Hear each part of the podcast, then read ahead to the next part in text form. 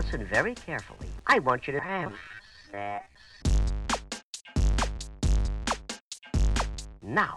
And when I say now, Promise I will not judge any person. yes. Ah, yes. Ah, yes. Ah, yes. Cześć, z tej strony Nat, czyli Twoja zaufana sekspertka, a to jest Nat i Seks. Podcast o tym, że życie jest zbyt krótkie na kiepski seks. Odcinek 73. Płacz po seksie. Hej, hej! Miło mi znów gościć w Twoich dziurkach usznych. Seksownego nowego roku i mam nadzieję, że cieszysz się na to spotkanie tak samo jak ja. Dzisiejszy odcinek zainspirowały prośby osób słuchających, bo nie tylko w mojej skrzynce podcastowej, ale też między innymi na Instagramie czy w innych miejscach pojawiły się pytania o płacz i poczucie smutku po konsensualnym seksie. I ponieważ ta kwestia powraca w mojej pracy dość często, postanowiłam się nad nią pochylić i zgromadzić wszystko to, co wiemy na temat płaczu po seksie w jednym miejscu, żeby osoby, które chcą się dowiedzieć więcej, miały też takie jedno skondensowane źródło informacji.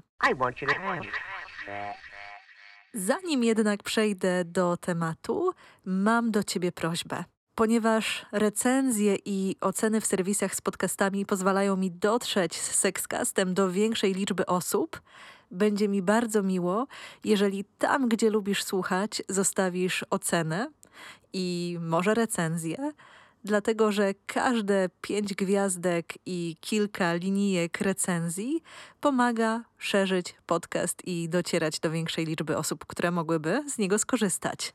Także jeżeli masz chwilę, będzie mi bardzo, bardzo miło, jeżeli w ten sposób wspomożesz moją działalność. Wracając zatem do tematu płaczu po seksie. Bo płacz po seksie to zjawisko, które znajduje się pod parasolem smutku lub dysforii postkoitalnej. I poprzez dysforię postkoitalną rozumiemy, no właśnie, silne odczucie smutku, lęku, czasem też niepokoju czy pustki, a w niektórych przypadkach nawet agresji, które pojawiają się zarówno po seksie partnerowanym czy masturbacji. I często tym stanom emocjonalnym towarzyszy poczucie takiego poruszenia, ale też pojawiają się łzy. Zdarza się, że zjawisko to określa się też mianem depresji poorgazmowej, natomiast ja nie jestem jego wielką fanką, dlatego że depresja jest czymś bardzo poważnym, a takie kolokwializowanie tego terminu być może trochę spłyca nasze pojmowanie tego, tego zaburzenia, tego stanu psychicznego. Dlatego w tym odcinku będę posługiwać się terminem smutek postkoitalny lub po prostu płacz po seksie, żeby było krócej i trochę łatwiej. Bo nie ulega wątpliwości, że wiele osób, które doświadczyły płaczu po seksie lub miały okazję zaobserwować go u bliskiej osoby, czuły zaniepokojenie. Bardzo słusznie, bo zauważmy, że wiele osób w naszej kulturze żywi przekonanie, że skoro pojawiają się łzy, to coś musi być nie tak. I to nie tak może mieć różne wymiary. Na przykład e, seks był zły, ktoś przekroczył granicę, coś zadziało się zupełnie nie tak. A przecież seks powinien być radosnym przeżyciem, podczas którego uwalniają się te wszystkie endorfinki i oksytocynki i czujemy się jak na chmurce. Co jednak ciekawe, to to, że badania przeprowadzone, i tutaj uwaga, ciekawie, na grupie cispłciowych mężczyzn, i badania te miały miejsce w 2019 roku, wykazały, że 41% z nich doświadczyło smutku postkoitalnego przynajmniej raz w życiu. Chciałabym podkreślić, że to zjawisko absolutnie nie ma płci ani orientacji seksualnej. Natomiast na podstawie mniejszych badań, na mniejszych grupach, przyjmuje się, że u cispłciowych kobiet smutek postkoitalny jako zjawisko może występować niemal trzy razy częściej niż u cispłciowych mężczyzn. Natomiast to oczywiście kwestia badań tego, co zostało dowiedzione, a one niekoniecznie opisują doświadczenia wszystkich osób i wszystkich identyfikacji. Także tutaj chciałabym zachęcić do takiego krytycznego podejścia i pamiętania, że to zjawisko mimo wszystko nie ma płci i nie jest rzeczą bardziej kobiecą czy bardziej męską, bo jest po prostu rzeczą ludzką. I chciałabym powiedzieć o swoim doświadczeniu, bo kilka osób zgłosiło się do mnie na konsultacje właśnie po doświadczeniu płaczu po seksie. Było to dla nich zjawisko nowe, połączone z bardzo silnymi emocjami i zgłosiły się dlatego, że zwyczajnie je to zaniepokoiło. Jasne, wspomniałam, że jest to dość powszechny fenomen, natomiast bardzo, bardzo cenię sobie taką postawę.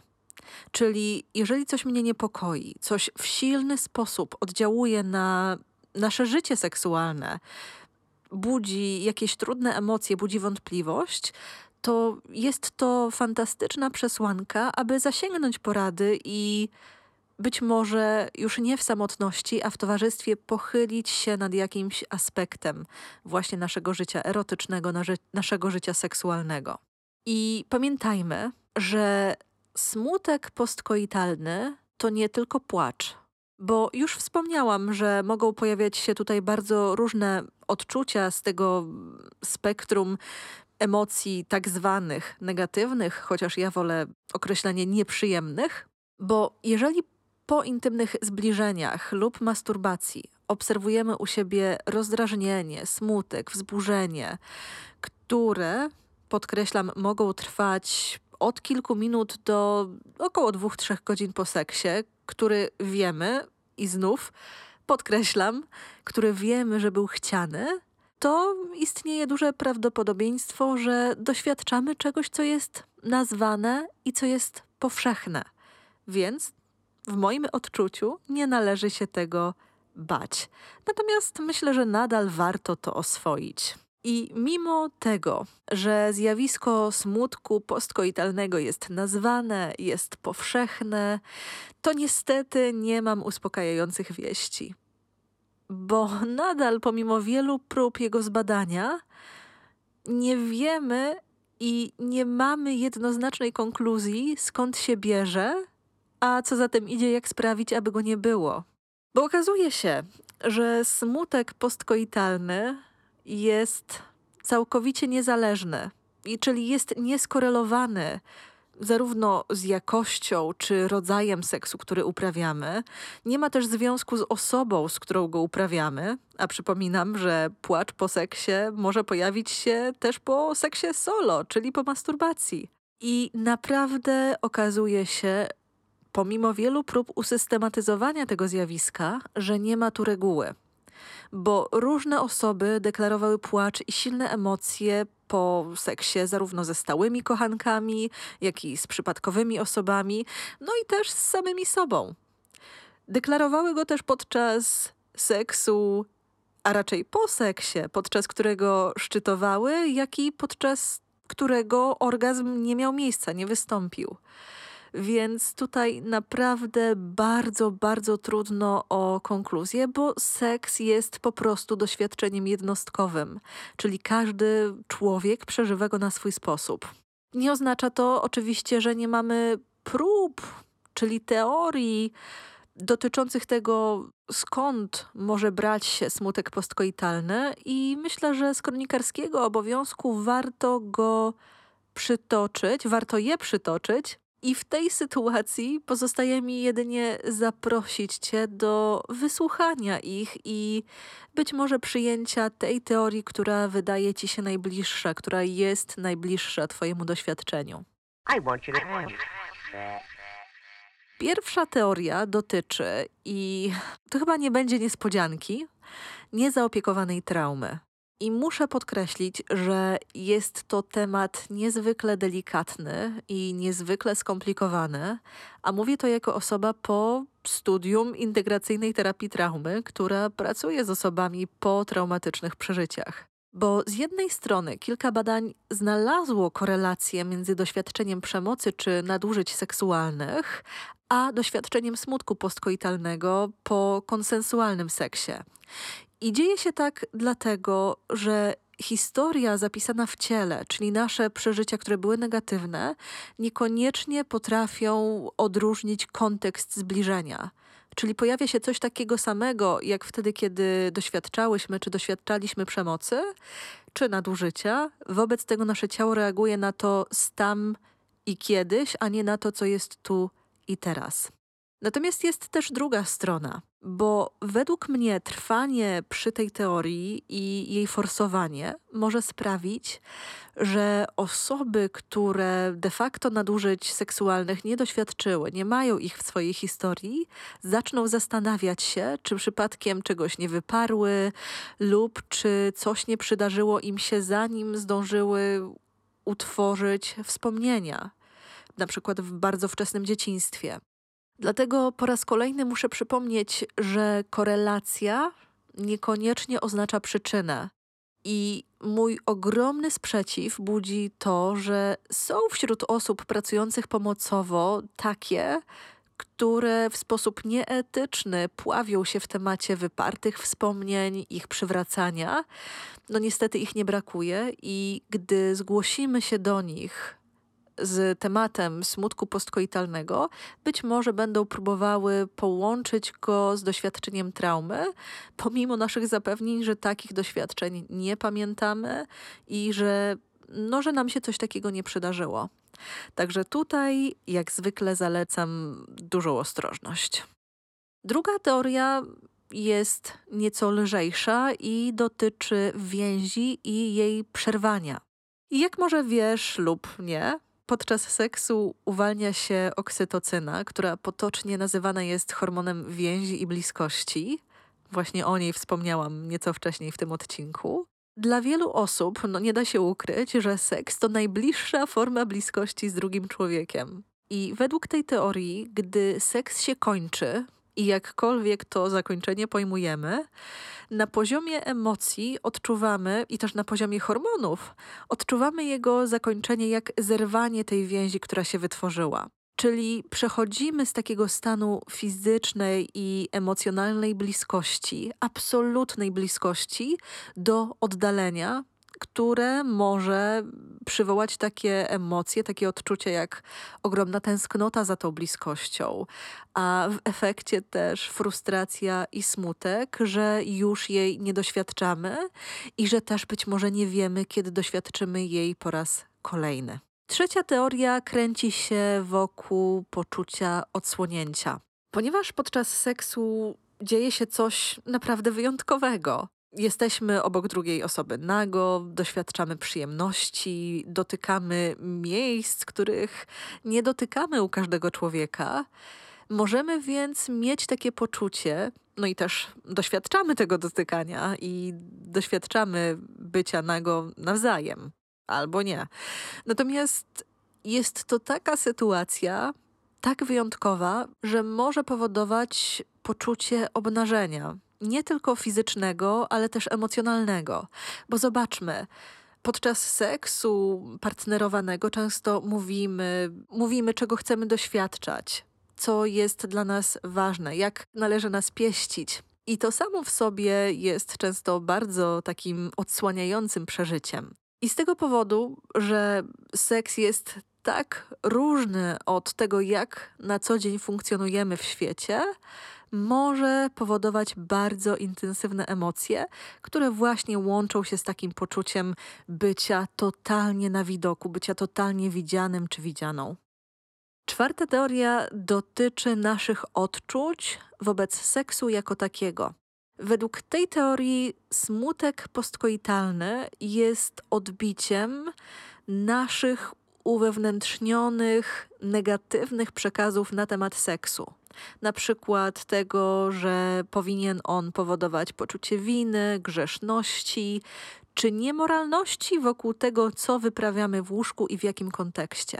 Czyli tutaj płacz czy smutek postkoitalny miałby być wyrazem pewnego dyskomfortu związanego z tym, jak nasze otoczenie postrzega seks i jak to uwewnętrzniamy, versus to, jak decydujemy się go przeżywać, i oczywiście w tym rozrachunku przeżywamy go niezgodnie z pewnymi normami, które już wypracowało nasze otoczenie i które nasze otoczenie pielęgnuje. Chyba nie muszę przypominać, że seks jest bardzo intymnym przeżyciem. I według tej teorii, osoba, która boi się zbliżyć do drugiego człowieka, otworzyć się na niego w realnym życiu, w życiu pozałóżkowym, dzięki podnieceniu, które towarzyszy kontaktom seksualnym, w pewien sposób zapomina o tym lęku. Natomiast gdy to podniecenie spada, na przykład po szczytowaniu czy po prostu po zakończeniu seksu, ten lęk powraca i jego intensywność jest taka, że powoduje te nieprzyjemne emocje, nieprzyjemne odczucia, a w efekcie czasem łzy. I tutaj chyba nie mam nic więcej do dodania na temat tejże teorii. Jak już wspomniałam, nie mamy jednoznacznej odpowiedzi, dlaczego ludzie doświadczają płaczu po seksie i smutku postkoitalnego. Bo chciałabym zachęcić Cię do uświadomienia sobie, że każdy człowiek funkcjonuje w świecie seksu ze swoimi bardzo jednostkowymi doświadczeniami i pragnieniami, stąd trudno przyłożyć jedną miarę do zjawiska, które jest bardzo złożone. Osobiście najbardziej skłaniam się ku teorii, też jako osoba, która płaczu po seksie doświadczyła, że łzy są wyrazem tego, że seks jest emocjonalnie intensywnym przeżyciem i czasem te emocje znajdują ujście właśnie w postaci płaczu, łez czy takiego emocjonalnego pobudzenia. Bo chciałabym przypomnieć, że jako ludzie płaczemy nie tylko ze smutku, być może dlatego to określenie smutek postkoitalny jest mylące, ale też czasem płaczemy ze szczęścia, ze wzruszenia, z emocji, które uznajemy za pozytywne. Natomiast zdarza się, że ludzie interpretują łzy bardzo jednoznacznie. Są łzy, więc musi być smutek, a tutaj jest to wyraz tego, że po prostu są jakieś emocje. W moim odczuciu warto poeksplorować, co to za emocje nam towarzyszą. I możesz zadać sobie pytanie, jako osoba, która doświadcza smutku postkoitalnego lub którą to doświadczenie może czekać w przyszłości, jak możesz złagodzić objawy tego stanu emocjonalnego, czyli jak złagodzić objawy płaczu po seksie. Zdaję sobie sprawę, że być może już sam fakt, że jest to zjawisko powszechne, zadziała na ciebie uspokajająco. I zdaję sobie sprawę z tego, że nieznanie konkretnej przyczyny może być cholernie frustrujące, zwłaszcza w przypadku osób, które znajdują komfort w związkach przyczynowo-skutkowych. Mm, Takim osobom często trudno jest pogodzić się z tym, że mogą czegoś nie wiedzieć, mogą nie mieć konkretu. Tak czy inaczej, dobrze jest mieć strategię na okoliczności, gdy doświadczymy płaczu po seksie, bo naprawdę jestem zdania, że nie musimy znać przyczyny, aby otoczyć się opieką i po prostu zatroszczyć się o siebie, gdy łzy po seksie się pojawią następnym razem. Moja pierwsza wskazówka to po prostu pobycie z tymi emocjami i nazwanie ich. Bo zastanówmy się w tej sytuacji, czy na pewno smutek to jedyna możliwa interpretacja tych łez.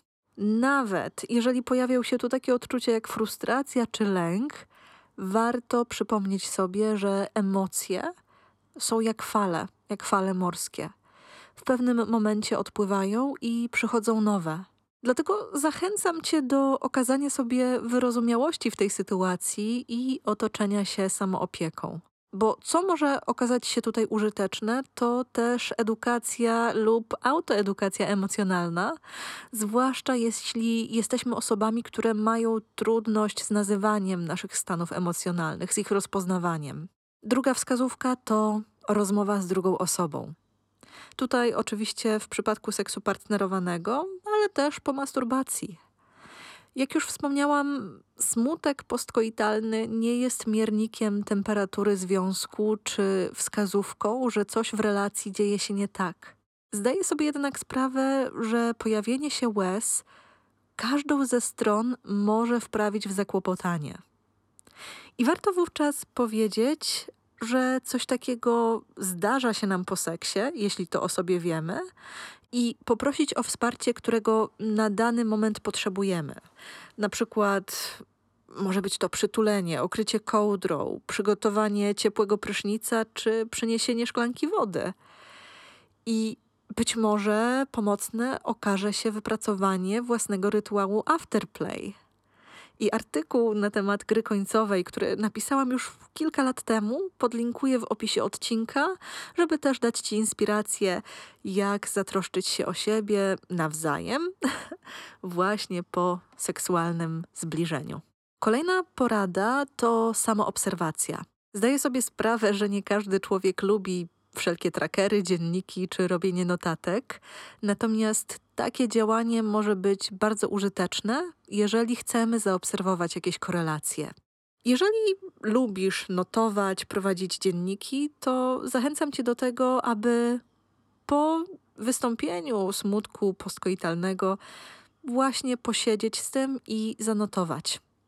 Bo być może okaże się, że smutek postkoitalny pojawia się w konkretnych sytuacjach, czy na przykład w przypadku osób miesiączkujących w danych dniach cyklu.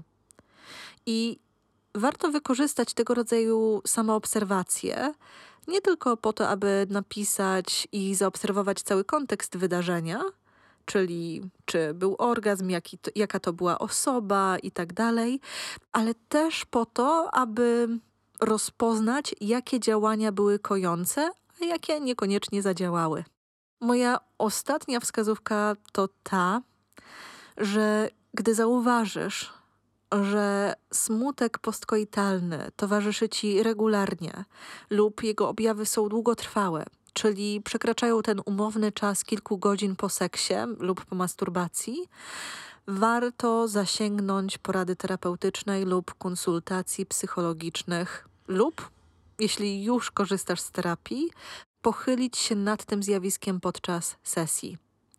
Zwłaszcza, że czasem możemy mieć takie poczucie, że to, czego doświadczamy, to znacznie więcej niż kilka łez po seksie i na przykład trudno jest nam funkcjonować w codziennym życiu, trudno nam znaleźć ukojenie i to może być naprawdę coś bardzo, bardzo użytecznego, bo czasami tego rodzaju łzy po seksie, który jest konsensualny, mogą też mieć swoje źródło w jakichś trudnościach, których doświadczamy poza łóżkiem, po prostu w życiu.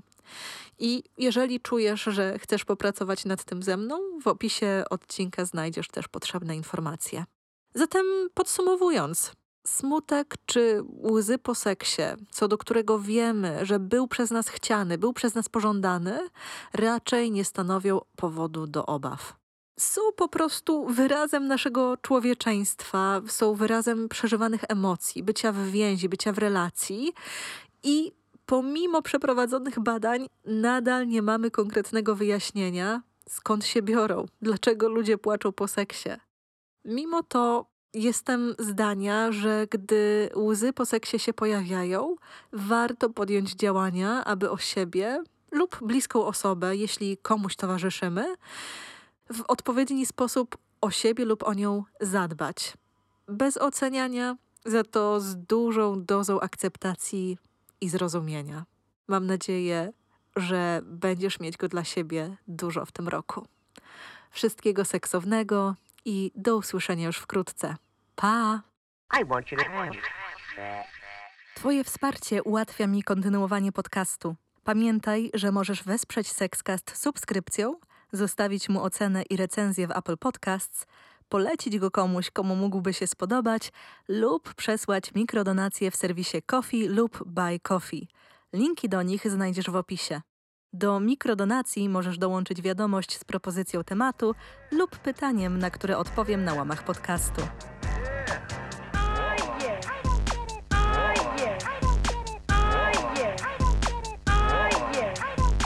So it's very important and very fun also to. Now,